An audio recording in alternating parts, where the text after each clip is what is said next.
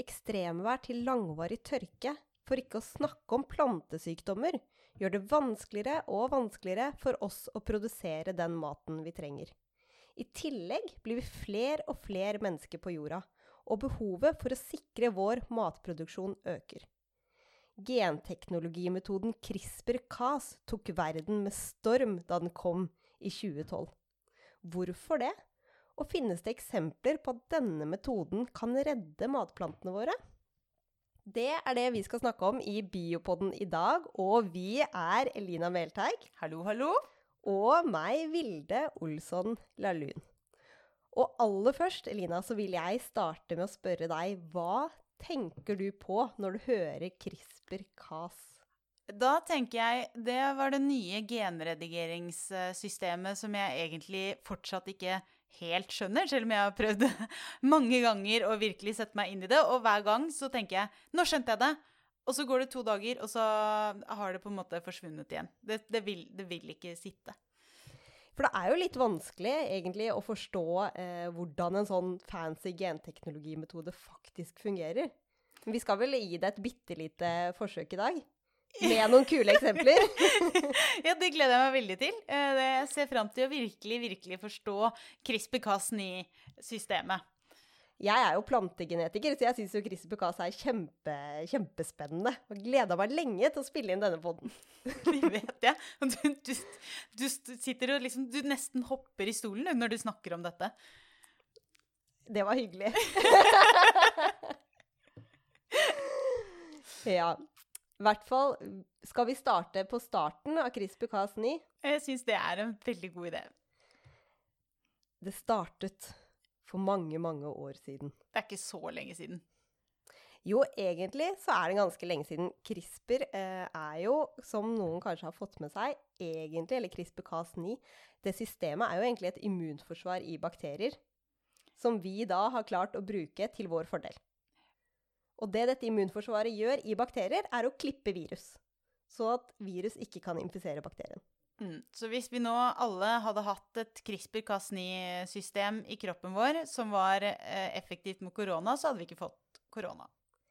Men det var veldig satt på spissen og langt og farfetch, og ja, jeg skjønner det. Det var ganske eh, satt på spissen, men det jeg vil man skal huske på, er at egentlig CRISPR-Cas9 gjør det mulig å klippe DNA på helt spesifikke steder.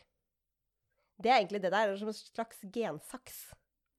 Og i motsetning til alle andre gensakser man har, for det fins forskjellige typer gensakser, eh, det vi kaller for restriksjonsenzymer f.eks.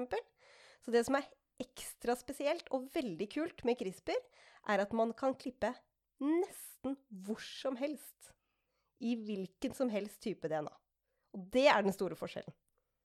Og det er en ganske Det er en metode som Altså, siden den kom i Var det 2012?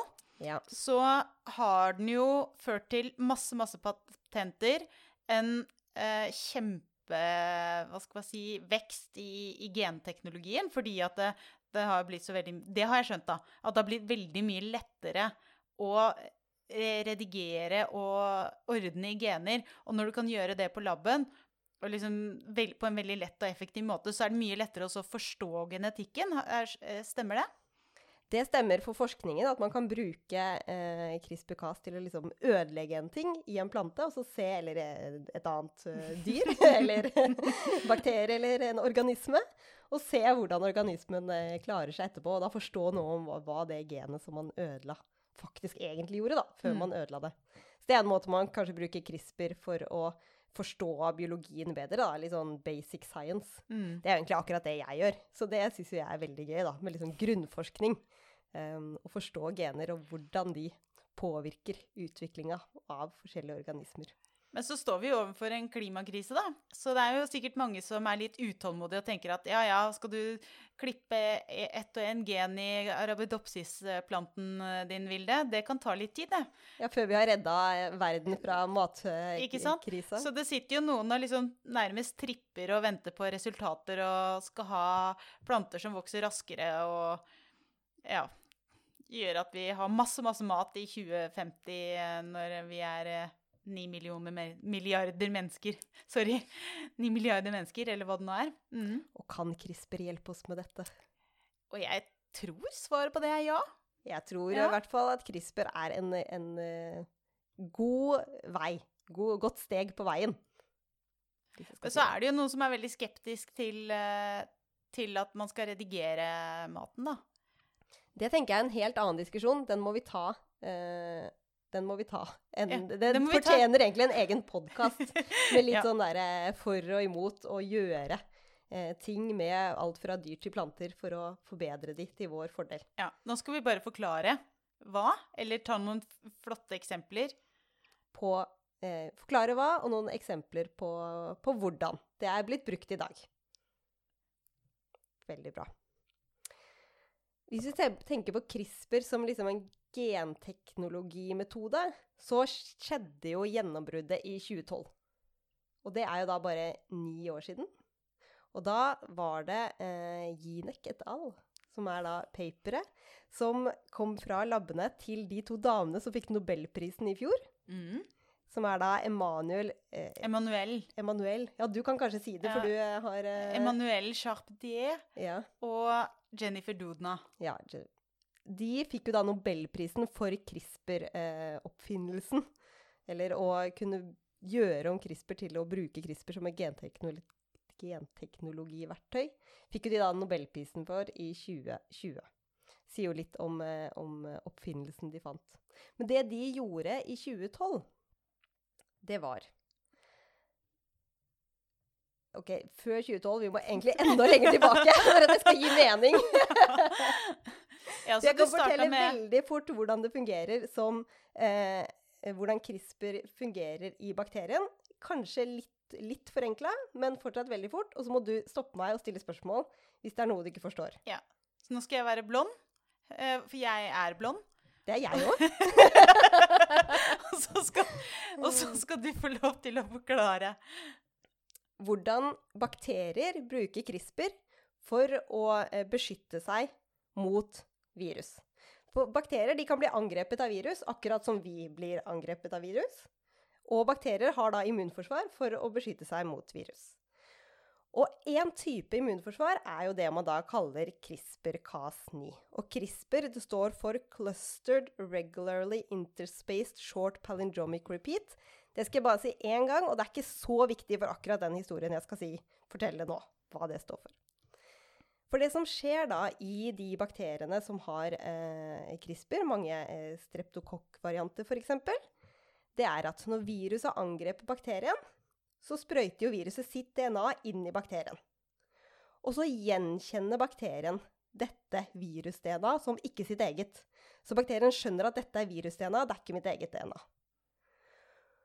Og så kan det godt hende at bakterien blir litt eh, syk, for dette er liksom første gangen den, den er i nærheten av dette viruset. Litt sånn som når vi blir syke òg. Litt som når vi blir syke første gang. Eh, og så tar bakterien og deler av dette virus-DNA-et sitt og putter det inn i sitt eget DNA.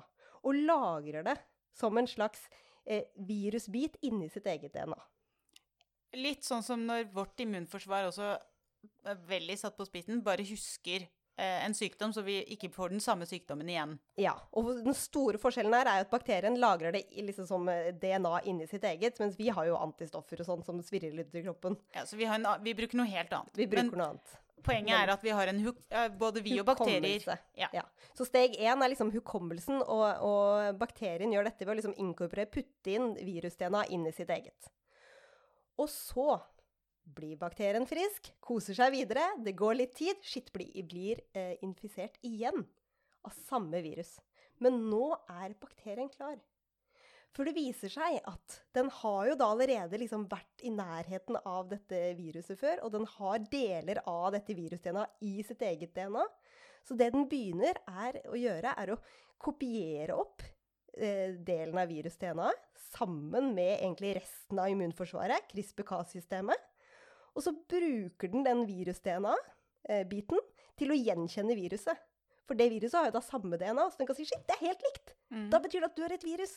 Deg skal jeg ødelegge.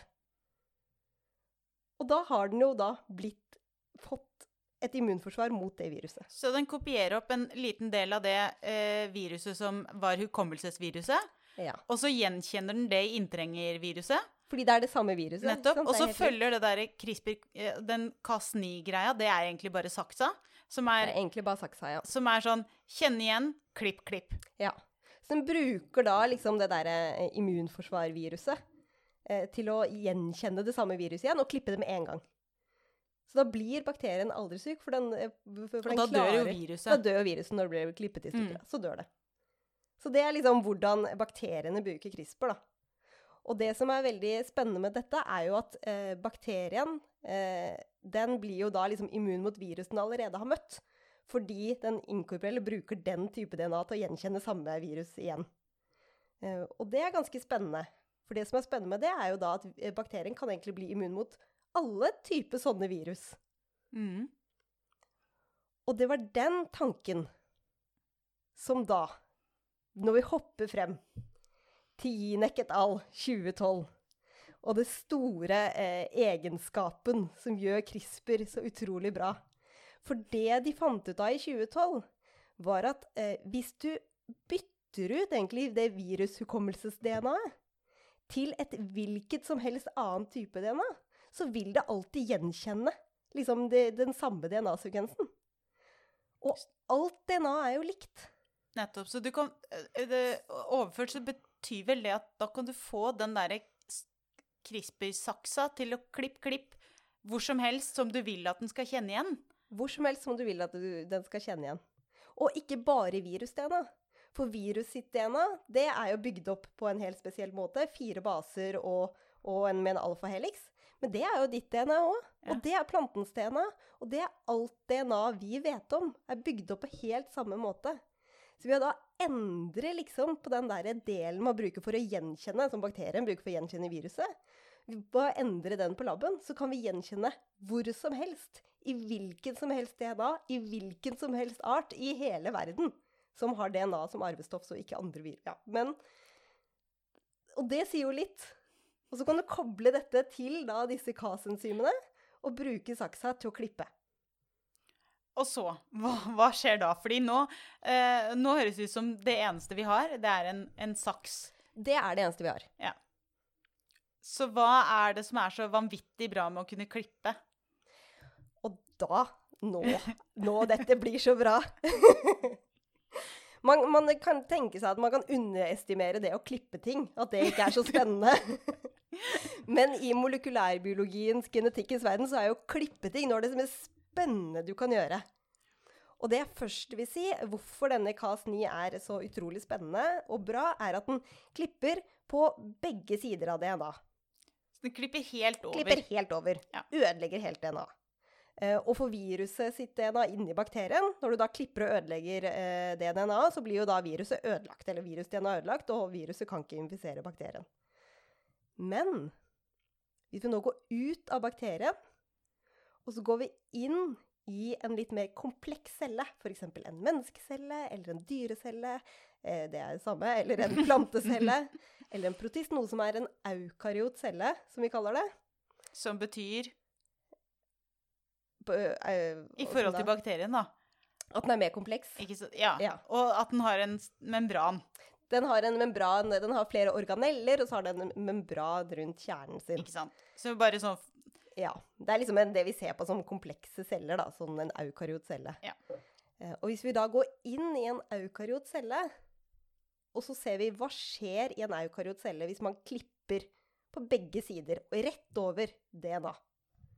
I motsetning til i bakterien, hvor viruset bare da døde, på en måte, når det ble klippet, så er det sånn at eukaryote celler, de har et slags eh, reparasjonsmekanismer når dette skjer. Ja, Så de er ikke så glad i sånne sakser. Ikke glad i sakser, og det er ikke så mange sånne sakser, eller det Ja, det er liksom ikke noe som vanligvis er der, men det kan skje brudd i DNA i en helt vanlig celle. Mm. Eksempel hvis man blir utsatt for stråling, eller for, Ja. Ja, det er kanskje for så, Stråling er jo et av de beste eksemplene, egentlig. Ja. Ja. Sånn at eh, det skjer jo i alle våre menneskeceller at sånne dobbelt, eller sånn brudd skjer. Mhm. Og det er ikke så cellen så veldig glad i, så at da reparerer den disse mm. bruddene. Uh, og det gjør den veldig effektivt og veldig fint. For man vil ikke ha brudd. Men veldig ofte, når det skjer brudd, så er ikke reparasjonsmekanismen perfekt. Nei, så vi, vi har veldig gode sakser, men alle som har prøvd å klippe i papir og så lime det pent på igjen, vet at Ja, sånn utenfor cellene har vi veldig gode sakser. Både for høyrehendte og venstrehendte, og det er sakser i hele Ja, og uansett hva slags saks du Mm. bruker for å, for å klippe i papiret, så du, når du skal lime det pent på igjen, så kan du se at det har vært klipt. Du kan se at det har vært klipt, ja. Ja.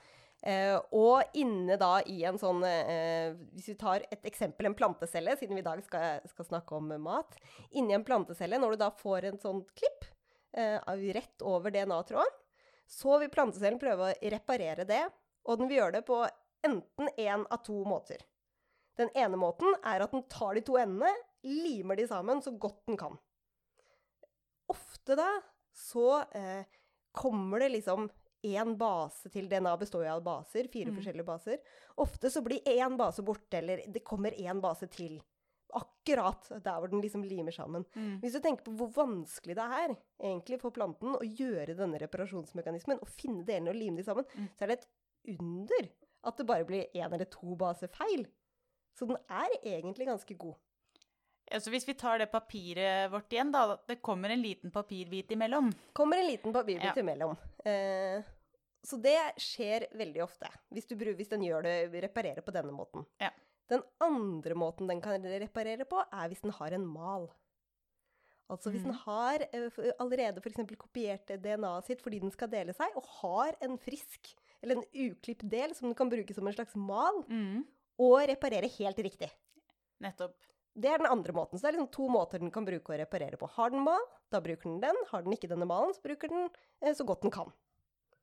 Og disse to prinsippene er jo de vi da utnytter når vi har brukt CRISPR-saksa vår til å klippe på et helt spesielt sted. Hvis vi skal ta et eksempel, si eksempel at vi klipper i et plantegen som gjør at blomstene går fra rødt til eh, Ja, som gjør at blomstene blir røde.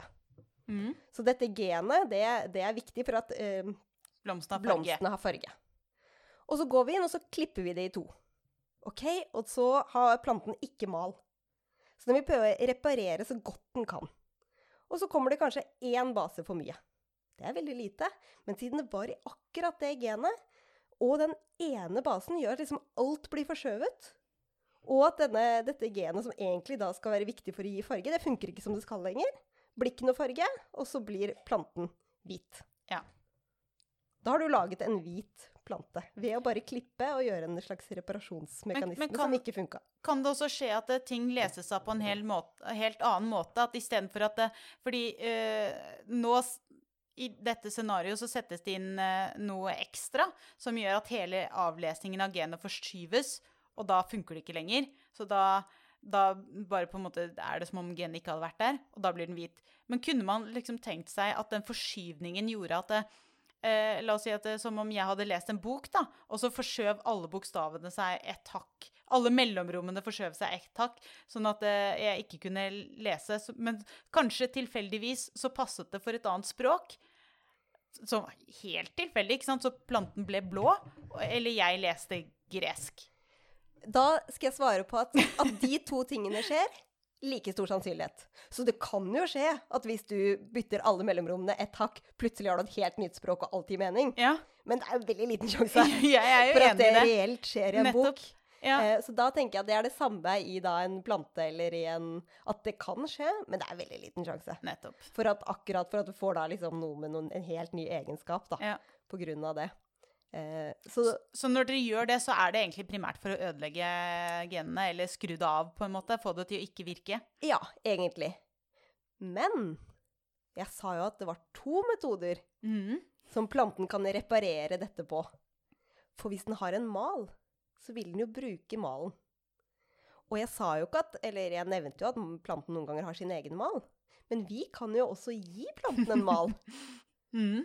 Så vi kan gi den klippe, og så kan vi gi den en mal, og så kan vi si 'reparer sånn her'.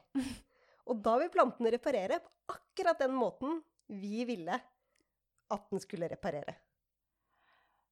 Og da kan dere få eh, blått eller hvilken som helst farge Eller ja, Hypotetisk. Veldig, veldig hypotetisk, så, så ja. Eh, men det du i hvert fall kan, er å si sånn, eh, sånn mer eh, Kanskje riktig scenario hadde vært Å, jeg vil ha rosa, jeg. Planter. Mm. Så da gjør jeg og gjør en helt eh, presis endring som gjør at dette farge, liksom det som egentlig ga rød farge, det funker litt dårligere, lages litt mindre av det, så da blir det rosa istedenfor rødt. Ja. Det gir mening, da. Ja. Så det er en veldig sånn konkret eh, ting som man egentlig da kunne gjort Og- med CRISPR. Nå tror jeg kanskje at jeg skjønner litt mer av åssen det funker, men da er jo det store spørsmålet eh, hva Når vi skal eh, redde verden eh, hva Hvordan gjør vi det da? Ja. Skal vi lage rosa blomster og håpe at ting går bra, eller hva? Eh, eh, Jeg vet at du er veldig glad i rosa, Vilde, men det får være grenser. Da kommer du til å elske mitt første eksempel. er det rosa blomster? Nei, den er ikke langt unna. uh, ro, uh, er det rosa mat? Det er rosa mat. OK, da er jeg spent. Skal vi ta Men eh, skal vi Skjønte du Jeg, jeg CRISPR-prosessen? tror jeg skjønte CRISPR-prosessen. Det er liksom Ja. en saks. Ja. Og det som er Jeg må bare si det som er så utrolig kult med CRISPR, og som er så nytt, er at du kan, som sagt, gå inn hvor som helst. Hvor som helst. Før så har det vært kjempevanskelig å gå inn liksom på et helt spesielt sted. Det har man brukt årevis på å få til. Og nå så kan man gjøre det på null komma niks. Liten kloning på laben, så er det gjort. Så det er veldig spennende. Eh, sånn genteknologisk, som en genteknologisk metode. Skal jeg ta eh, Jeg syns du skal bare kjøre i gang, jeg. OK, fordi vi snakka jo om rosa, Ja. som da er min yndlingsfarge. Det skal jeg bare uh, være ærlig på nå. Mm. Um, og mitt første eksempel er at man kan bruke CRISPR til å lage rosa tomater. altså, jeg bare ser på deg. Du, du ser så fornøyd ut. Ja, men Nå tenkte jeg at du skulle spørre Du sånn sitter der det? I rosa genser, og så bare Vi kan lage rosa tomater med verdens største glis. Og, så bare, og dette Men nå skal vi redde verden. eh, Og vi har rosa tomater. Kjør. Takk. Det er jo kanskje å si at, det, å si at man skal redde verden med rosa tomater, er jo kanskje å ta litt, eh, litt hardt i. Men det er gjort en del undersøkelser på at en av de kriteriene som gjør at man velger å Eller hvilken grønnsak man velger i butikken, er farge. Så det er liksom den tingen man mest går etter når man velger hvilken grønnsak man skal spise i butikken. Og så har det seg sånn at for tomater så er det i Europa og i USA så vil man ha røde tomater. Det vet mm. vi jo alle. Vi går jo i butikken og tar de rødeste fordi de er best. Men i Asia så vil man ha rosa tomater. Man vil ikke ha de røde, man vil ha de rosa. Men er ikke det egentlig en kjempefin eh, at vi, Er ikke det bra at vi har litt forskjellige preferanser? Jo, og det kan du tenke er kjempefint, og det er jeg jo enig i. Men problemet er at veldig mange av de tomatene vi har avla opp år etter år, som har god smak og store og lette å dyrke og sånn, de er jo røde. For de er jo Mhm. avla opp til Europa og USA, eller Amerika. Sånn at de tomatene selger ikke så bra i Asia. Folk vil ikke kjøpe de, for de er feil farge. Uff da. Så det som man har gjort veldig mye, er jo å prøve å liksom bruke sånn tradisjonell eh, avl, bare, og krysse tilbake og prøve å få gjøre om liksom de røde tomatene eh, til rosa gjennom generasjoner og generasjoner, og prøve å gå litt sånn tilbake da, og få de til å bli rosa, så de skal selges eh, bedre i Asia. Eh, og det er jo kjempetidkrevende. Jeg tror jeg leste at det var gjennomsnitt tar fem år å få til det. Og da kommer CRISPR inn. For her er det en gruppe som har prøvd å lage en slags universal CRISPR-løsning for å kunne gjøre om så å si alle røde tomater til en rosa variant. På null komma niks. Og da går du inn i fargegenet og Nei. man kunne gjort det. Det var bra, Eline. Det var bra. Men man skal ikke veldig Det er ikke veldig langt unna. For det de har funnet ut av, er at det fargegenet det er ganske forskjellig mellom forskjellige typer tomater. Så det var litt vanskelig å skulle liksom lage en universal måte for mange tomater når alle fargegenene er litt forskjellige. Mm. Men det de fant ut av var veldig likt, var egentlig et eh, gene som eh, regulerer fargegenet. Å ja! Så det er det vi kaller Ja. en transkripsjonsfaktor. Og det er liksom et, et eh, gen som, som koder for et protein. Og det proteinet regulerer på eller av for fargegenet. Nettopp. Så du kan du på en måte Du tar ikke selve lyspæra, du tar lysbryteren? Ja, akkurat. Det var faktisk akkurat det jeg tenkte på. Det var kjempebra. Ja, Det er akkurat, så de tenkte hvis vi skrur av lysbryteren med CRISPR-Cas, så blir jo lyset aldri slått på, og da blir alle tomatene eh, rosa. Og det var akkurat det de gjorde. Så de brukte CRISPR-Cas til å klippe og ødelegge lysbryteren. Den transkripsjonsfaktoren som da gjør at tomatene skrur på rødgenet. Og nå fant de da ut at uh, tomatene ble rosa. Jeg tror de gjorde det på fire forskjellige uh, typer tomater. Og uh, de brukte i gjennomsnitt ett år på å da lage tomatene helt fra rød til rosa, istedenfor sånn fem-seks år som det vanligvis tar med tradisjonell avl. Så det var rosa Rosa eksempel. Ja, og det er jo, det er jo litt uh, Redde Verden på en måte. Selv om det kanskje er, fargen er litt sånn ubetydelig, så betyr det allikevel at det, OK, de gode tomatene som vi har avlet fram, de kan nå også selges på andre markeder hvor de har litt andre fargepreferanser, da. Ja. Og så var det Jeg likte den teorien med at de tok, som du sier, lysbryteren. For det sier litt om at du kan liksom gå enda et steg tilbake, da, eller sånn mm. lenger bort i den der veien som skjer inni plantene, på å liksom få til et endelig resultat. Så det var en ganske kul måte å lage en sånn generell mekanisme på, da. Mm. Så dette er en studie fra Deng et al., kommet i 2018, og som sagt hadde noe med mitt ro favoritt, eh, eh, favorittfarge, rosa, å gjøre. Herlig. Jeg, jeg må innrømme at um, jeg sleit veldig med å, å finne temaet, jeg. Ja, for jeg gleder meg veldig til dine eksempler i dag, Elina. Ja. Jeg elsker plantegenetikk, så dette blir gøy. Og uh, ja, jeg prøvde jo å tenke litt sånn på at, uh, at jeg må finne et eh, redde verden-eksempel. Uh, så når jeg satt og gjorde research, så fant jeg ut at noen av de tingene som man forsker på i dag, og hvor man bruker det CRISPR-systemet, er bl.a. man ser på epler som f.eks. ikke blir brune når de blir kuttet. Eller man ser på kaffe uten koffein. Det må jeg bare si at det, det var kjempe... Skikkelig dårlig Ja, eksempel. Fatter ikke hvorfor de begynte å gjøre det. Um, Men Elina, hva er paperet ditt? ja, ikke sant? Fordi det, det, de tingene er jo dårlige eksempler. Og så har du folk som da eh, ser på at, ting som, at det tåler regn og vind og resistens bedre. Og da fant jeg først et paper eh, som jeg helt fram til i går hadde tenkt å ta. og det var et eksempel ved kakaoplanten. Eh, Og det får vi ikke høre om, altså? Nei, det får, du får ikke høre om det. Det er altså kakaoplanten, Theobroma kakao, er plaget av en, eh, en eh, sopp. Eh, og da er det noen som rett og slett eh, har funnet en måte å gjøre immunforsvaret bedre, og så funket det. Og det er kort oppsummert, det var den Det var jo kjempespennende! ja, ja. Du går eh, videre til en annen artikkel. Ja, Ja, nå, det- da det er det høydere det- på den nye artikkelen.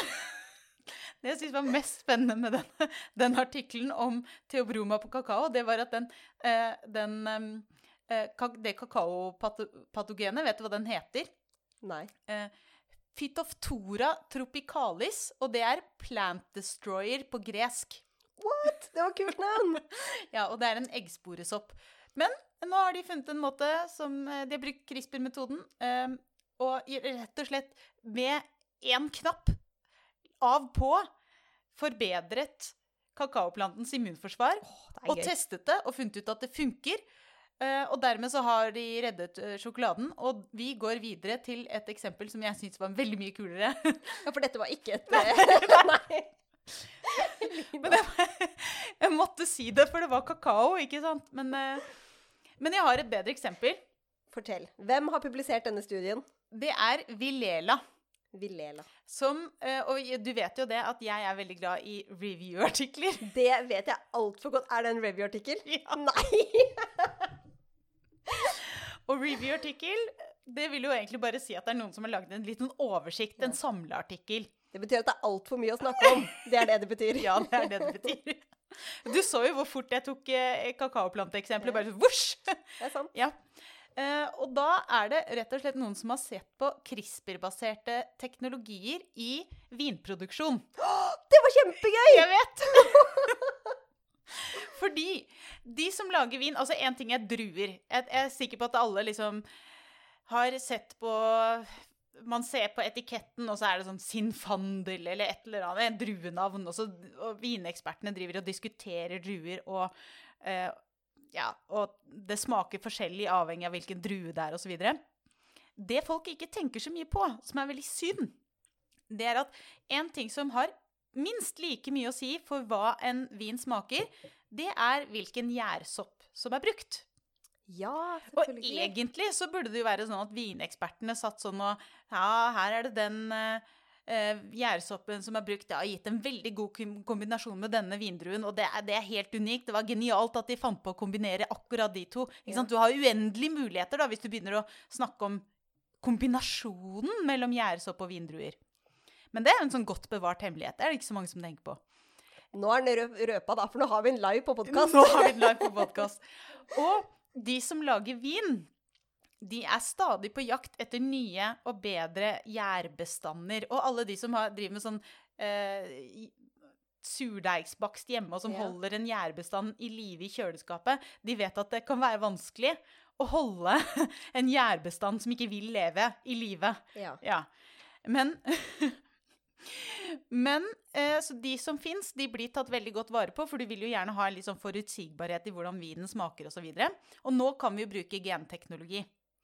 Til å gjøre om gjærstammene så Yes. de blir perfekte Og på vin. forske på gjærstammene, rett og slett. Og ifølge dette paper så er det faktisk bare to gjærbestander som er brukt genteknologimetode på. Altså sånn eh, GMO, da, sånn genmodifisert organisme. Det man Ja. kaller for det. det alle andre gjærbestander er helt 100 naturlige. Um, men nå er det noen som da har forsket på CRISPR i vinproduksjon. Oh, så spennende. Og brukt det på gjerdet. Ja. Oh. Og da er det eh, De har forsket på dette ganske lenge. De har ikke blitt brukt kommersielt, men de har forsket på det. Ok, Så siden 2013 så har de forsket på eh, CRISPR-metoden i gjærsopp, eller for å ta det på latin, Saccharomyces cerevisiae. Har du øvd? Ja, nå har jeg bra. Rett og slett. Um, Så vanlig her. gjær. Ja, ja, Ja. rett og slett. Eh, men det er jo rett og slett de har jo, de har jo sett på denne gjærsoppen rett og slett for å finne ut måter å få bedre smaker på vin på, og tryggere vin. Og når man tenker på tryggere vin, hva tenker du på da? Eller har, har du noen gang Vært utrygg på vinen min? Aldri. Uh, nei, altså, jeg skal ikke på en måte komme med noe, noe som helst antydning om noe som helst, men jeg tror det er mange som vil kjenne seg igjen i at enkelte vintyper kanskje gir en litt sånn Litt hodepine dagen etterpå, eksempel. Ja, sånn, ja. Uh, ja. Ja. Og det er jo ofte eh, Kan være ting i vin som, som um, ikke nødvendigvis har så mye med smak å gjøre, men det er, det er ting som kan bidra til at, eh, at man uh, i større grad da, kan få litt hodepine. Um, og gjærsopp produserer jo ikke bare alkohol. Altså, alkohol er på en måte et biprodukt av, av uh, at de bryter ned sukker og sånt noe uten oksygen til stede. Men de slipper også ut en del enzymer som er med på å tilgjengeliggjøre smaksstoffer eller ak aktivere smaker i vin. Og ulike gjærsopper har litt forskjellige, eller ulike gjærstammer da, har litt ulike egenskaper til å lage smaker. Eh, og nå kan du jo, fordi de har disse CRISPR-metodene, så kan du begynne å liksom gå inn og se på akkurat hvilke ting er det vi skal gjøre for å få mindre biprodukter som ikke er ønsket, og dermed også tryggere, eller vin som gir mindre um, hodepiner, da. Men kanskje også viner som gir helt andre eller mye bedre smaker, eller frigjør mye mer smaksstoffer. Eh, Så da, det vil jo egentlig si da, at en vakker dag så er det kanskje gjærstammene vi sitter og bedømmer, og ikke, ikke druene, rett og slett. Men det er sånn, å, det er den, den gjærstammen, den, den var perfekt her. Den har fått enzymet sitt endra med CRISPR. Det Ja. ble jo bare så godt, er du ikke så, enig? det ble så mye bedre. Uh, så veldig mye kan jo gjøres uh, hvis man får gjort det. Og så var det, i, når jeg leste dette paperen, så var det én ting som jeg syns var, var litt sånn ekstra morsomt, da. Uh, og det er fordi at eh, det er en del gjærsopp som lager eh, karbamid, eller det vi kaller urinstoff. Ok. Og hvis det, Det hørtes ikke helt og, vil ikke ha det i vinen min. Nei, nettopp. Og hvis det hoper seg opp mye av det, så slippes det ut i vinen. Ja. Ja. Eh, og det er visst eh, litt uheldig, fordi at eh, når det slippes ut i vinen, så er det en forløper til noe som kalles for etylkarbamat. Som er egentlig helt naturlig i alle fermenterte produkter. Men eh, det har vist seg å ha et potensial for å være kreftfremkallende, og det er jo ikke noe gøy. Det er ikke noe gøy. Så ikke nok med at det liksom eh, teknisk sett kan ses på som gjærurin, eller gjærurinstoff fra gjær, eh, som bare ikke er farlig, men ikke hyggelig å tenke på. Men det er altså bitte lite grann kreftfremkallende. Så det er ikke noe bra å få i seg på noen som helst måte. Men da har de sett på og, hvordan man kan bruke CRISPR-metoden til å rett og slett redusere produksjonen av urinstoff. Så da har de forsket på chardonnay og cabernet sauvignon. Gode, gode druer. Viner. Det er Å, ja. Og så har de fått til å redusere produksjonen av urea ved hjelp av CRISPR-metoden.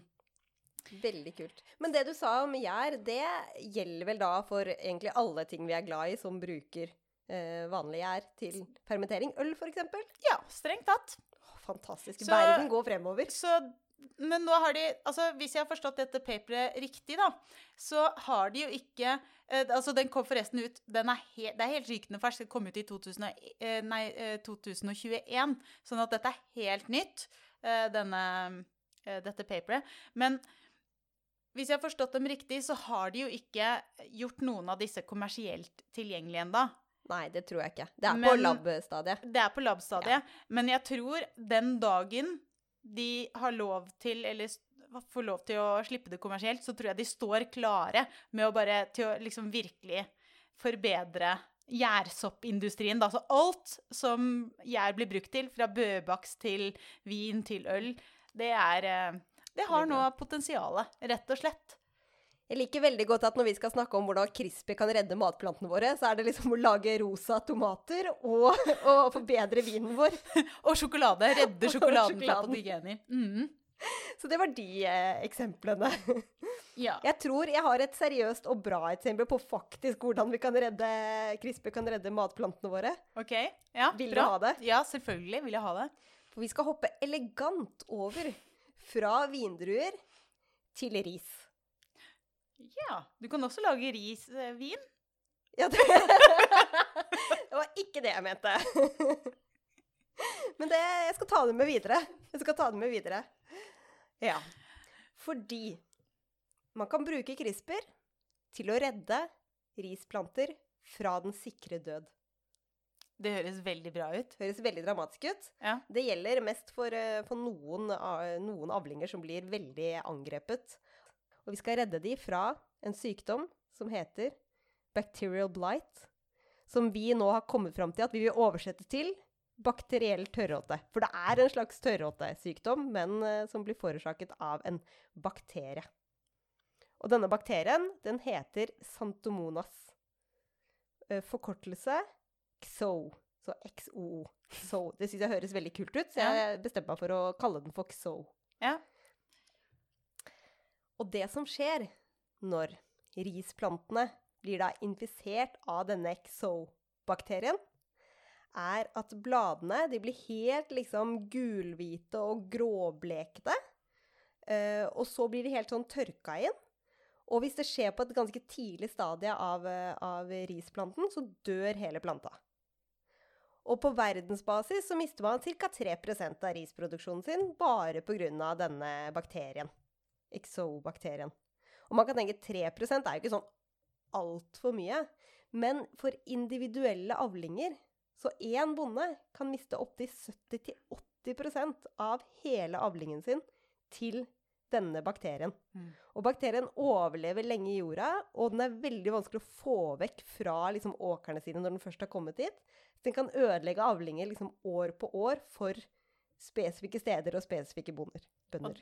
Sånn at selv om det kanskje ikke påvirker så veldig mange prosent per år, så er det veldig destruktivt der hvor det faktisk oppstår, da. Veldig destruktivt. Og mange steder i Asia sånn, hvor det er liksom litt mindre bønder som ikke har så store gårder, og litt sånn, og hele gården deres eller hele avlingen deres blir ødelagt da, av denne sykdommen, så, så har det stor påvirkning på eh, livet deres generelt, og på matproduksjonen til det området akkurat der og da. Derfor er det noen forskere som har tenkt dette må vi gjøre noe med. Og det som er veldig kult med denne exobakterien, er at man vet hvordan den angriper planta. For det den gjør, det er at den kommer seg inn gjennom litt sånn naturlige åpninger. F.eks. hvis planta får et, en rift eller noe, så kommer den liksom inn i vevet til planta gjennom den riften. Og så setter den seg litt fast på overflaten av cellene. Og så skal den prøve å komme seg inn i cellene, bakterien. For å komme seg inn i cellene, så må den bruke en slags kanal. Denne kanalen, det er egentlig en sukkerkanal, og den heter Sweet. Det er det morsomste. Så bakterien bruker sukkerkanalen Sweet for å liksom komme seg inn i cellene. Og det, det, er på en måte en sånn kanal hvor det er på den måten sukkeret kommer inn i cellen, eller? Jeg tror det er på den måten sukkeret kommer ut av cellen. Ja, nettopp. Ja, for det er planter. Ja. Så på den måten sukkeret. Men, men uansett, det som er viktig her, er at det er en sukkerkanal som heter Sweet. For det er jo veldig morsomt. Og at bakterien må ha denne sukkerkanalen for å liksom klare å angripe planta. Og måten planta for disse sukkerkanalene er ikke der hele tiden. Så måten bakterien liksom får planta til å lage sukkerkanalene på, er at den eh, putter inn noen bitte, bitte små deler av seg selv, eh, noen små proteiner, som går inn i planta. For det, hele bakterien kommer seg ikke inn, mm. men disse små små proteinene de kommer seg liksom inn i plantecellen. Så går de ned til plantens eh, gen, og så skrur de på sweet-genene. Så disse små bakterieproteinene går inn og skrur på sweet-genet, og planta aner jo fred og ingen fare, lager masse sweet-kanaler. og så sitter eh, bakterien der og godter seg og angriper planten. Det som er veldig gøy, det er at vi vet akkurat hvilke steder hvor disse eh, bakterieproteinene som liksom skrur på sweet-genet, hvor de binder. Og hvordan de, akkurat hvor de liksom setter seg fast for å skru på sweet. Så du vet liksom hvor lysbryteren er. Akkurat hvor lysbryteren er Ja. på sweet-genet. Og, og det, er veldig, det er ikke så veldig stort område. Det er et bitte lite område, men det er mange av de. Så da har man en liten jobb å gjøre, da. Da har man en liten jobb å gjøre. Og her kommer CRISPR inn. For det som er kult med CRISPR, er at man kan gjøre noe som heter multiplexing. Og multiplexing, det betyr at man eh, klipper på mange steder samtidig. Ja, det høres jo litt gøy ut. Det høres veldig gøy ut, i hvert fall når da disse forskerne har tatt en risplante, så har de klippet på alle stedene hvor de vet at dette bakterieproteinet vanligvis fester seg for å skru på lusebryteren til sweet. Klippet der, ødelagt de stedene. Som da egentlig, det er mange steder, men, men alle ble liksom ødelagt inni planta. Og planta i seg selv har det helt fint, klarer seg veldig fint. Og så skulle de teste vil da bakterien klare å skru på sweet med, med proteinene sine. Og det klarte bakterien ikke. Så da har man klart å lage ris som er helt, helt resistent mot denne exo-bakterien. Og så er det jo, det er jo biologi, så det er alltid mange forskjellige exobakterier, og det er mange forskjellige, ikke sant? Men det de fant ut av her, var Jeg tror de testa eh, Si Nå bare sier jeg noe, og de testa ganske mange forskjellige typer bakterier og sånn, og si de var resistente mot kanskje 80-90% av de. Det er i hvert fall en Mm. stor, stor andel av eh, liksom det, det som liksom lager tørr bakteriell tørråte da, i disse risplantene, klarer nå, hvis man bruker den CRISPR-planta, ikke å angripe planta. Bare fordi man har gjort bitte små endringer akkurat på lysbryterne. Men det er jo veldig, veldig bra eh, at man har klart å gjøre det. Men jeg sitter og lurer på hvorfor eh, Altså, får det ingen konsekvenser for planten å ikke kunne skru på disse Elina, nå er det, det er det beste spørsmålet du kunne stilt meg akkurat nå. Noen ganger så Eller jeg er alltid glad i deg, men noen ganger så bare Det beste. For det som er så sykt kult med dette paperet, det er forresten fra Oliva et al. 2019. Det som er så utrolig kult, er at de gjorde dette ikke på en sånn derre laboratorierisplante, Eller de gjorde det òg, men de gjorde det også på en ekte risplante som brukes i risavling til vanlig. For de ville nettopp se sånn Ja, men hva skjer når vi liksom ødelegger så mange steder på lysbryterne? Eh, Hva skjer? Vil planten da bli mindre? Vil den lage mindre ris? Ja, altså, hva bruker de sweet uh, til? Hva bruker de Ja. til? Eh, og det de fant ut av, er at planten klarer seg helt perfekt. Ingen endring i planten. For det som er viktig å tenke på her, er at de har jo ikke ødelagt sweet. Planten trenger jo sweet. Ja. De har jo ikke ødelagt sweet. De har ødelagt lysbryterne bakterien bruker.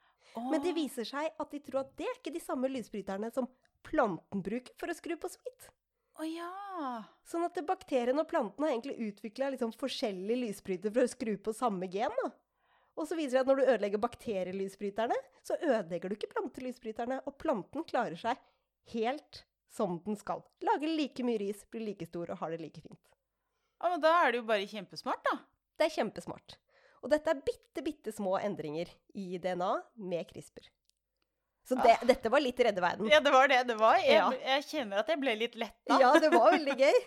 Åh, jeg, jeg er veldig fornøyd med det eksempelet. Har du et redde verden-eksempel til slutt? På, På en måte. Eh, fordi det er jo eh, veldig, veldig mange mennesker i dag som sliter med ja, forskjellige allergier. Ja. Og et av de mest eh, holdt jeg på å si eh, alvorlige, da, er jo eh, hvete Altså rett og slett glutenintoleranse. ja. Men eh, tenker du typ cøliaki eller allergisk reaksjon? For det er vel to forskjellige ting. Nå tenker jeg begge deler. Altså okay. uh, bare det at du ikke tåler gluten, rett og slett. Da. Ja, sånn, ja. Ja, ja, ja. Ehm, og da er det rett og slett noen forskere, Sanchez Leon Jeg tror vi kan si et al, for det er ganske mange flere som er med her. Uh, som uh, i ehm, eh, 2018 laget en hvetevariant uten gluten. Nei, så stilig. Ja.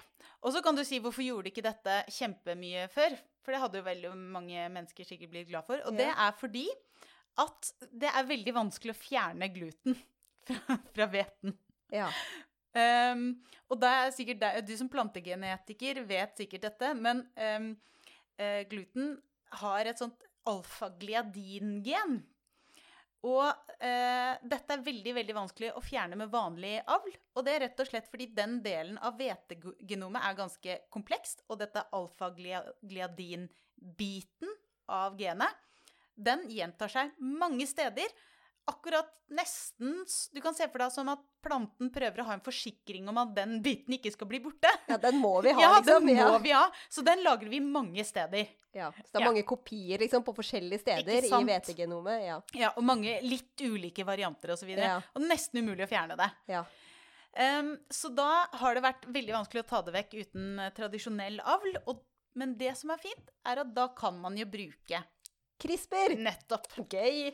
Og så kan du si at det um, Det er jo kanskje ikke så uh, smart, da, å ta bort glutenproteinet helt, fordi at gluten fungerer som et veldig bra bindemiddel i deigen, og det er med på å gjøre deigen luftig osv.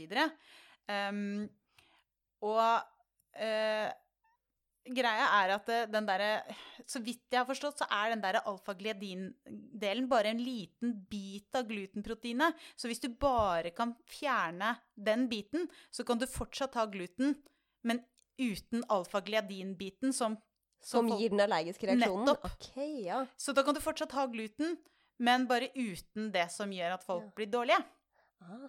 Jeg er, jo som sagt veldig glad i planter, men jeg kan ingenting om gluten. Så nå lærte jeg masse. Ja, jeg tror jeg har lært en del, jeg også.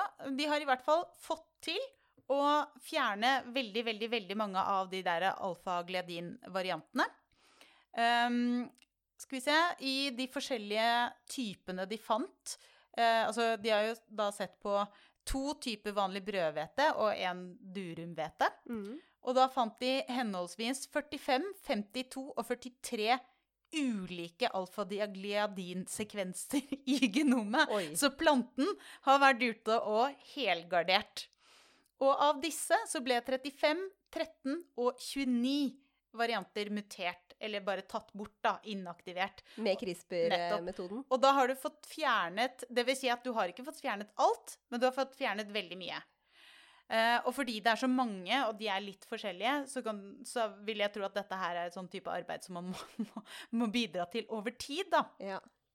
Uh, men de har i hvert fall fått fjernet ganske mange, og så har de også sjekket at dette er arvelig. Så hveten kan eh, rett og slett overføre mangelen på disse alfagliadinene eh, til neste generasjon.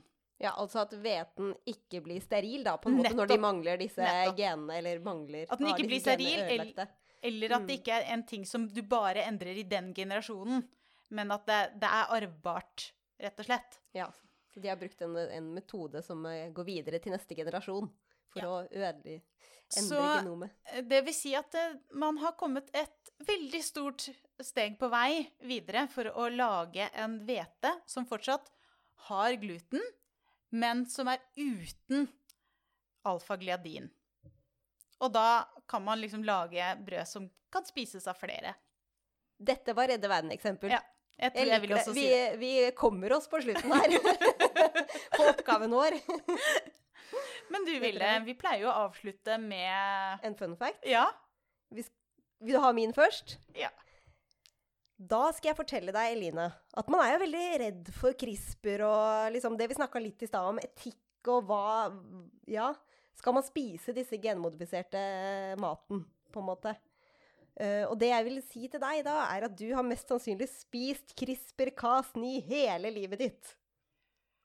Fordi en bakterie som man har funnet ut av at bruker masse CRISPR i sitt naturlige immunforsvar mot virus, er en bakterie som heter Streptococcus thermofil.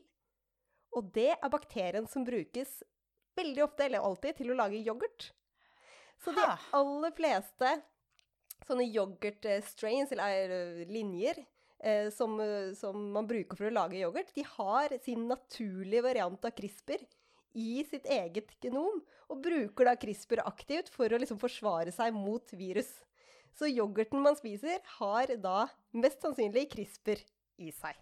Nå skal jeg ikke si hvilken akkurat Tine bruker, så, men det er Mest sannsynlig så har vi alle spist CRISPR-mat eh, mange ganger.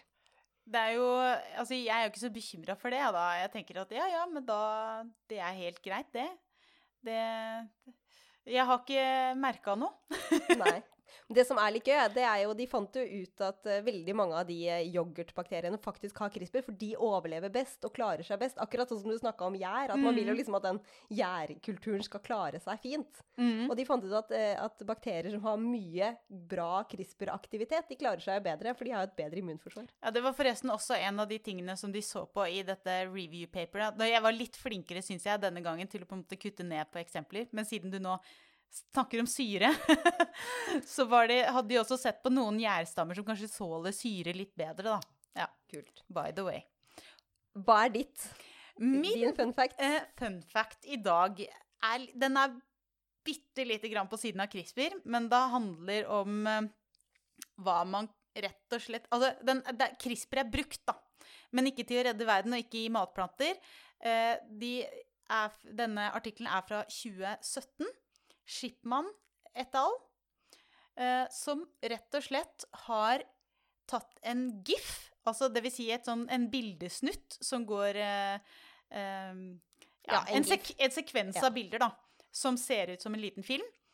Den har de klippet inn i en E. coli-bakterie ved hjelp av CRISPR. Hæ? OK, jeg skal forklare dette litt nøyere. Så hvis du ser for deg at eh, Hvis du zoomer inn på et bilde, så har du sikkert sett at det, det består av piksler. Ja.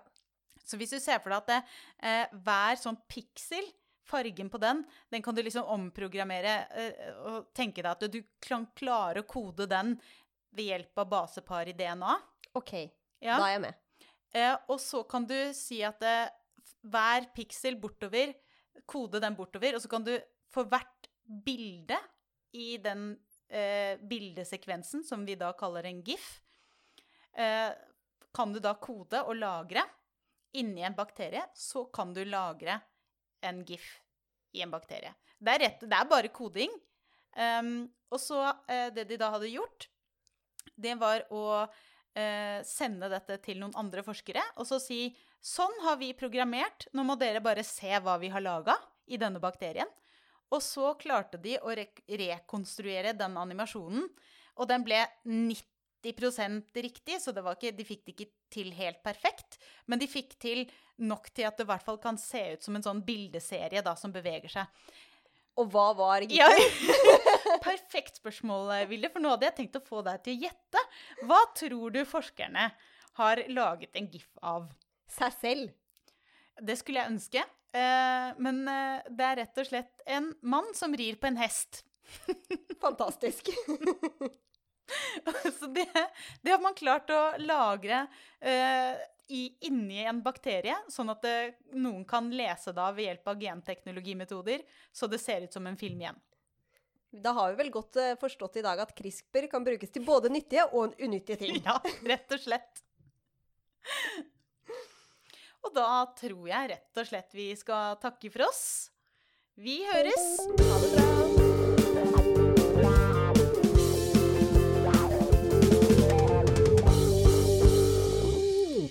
Du har nå hørt Biopodden med Vilde Olsson Lahlund og Elina Melteig.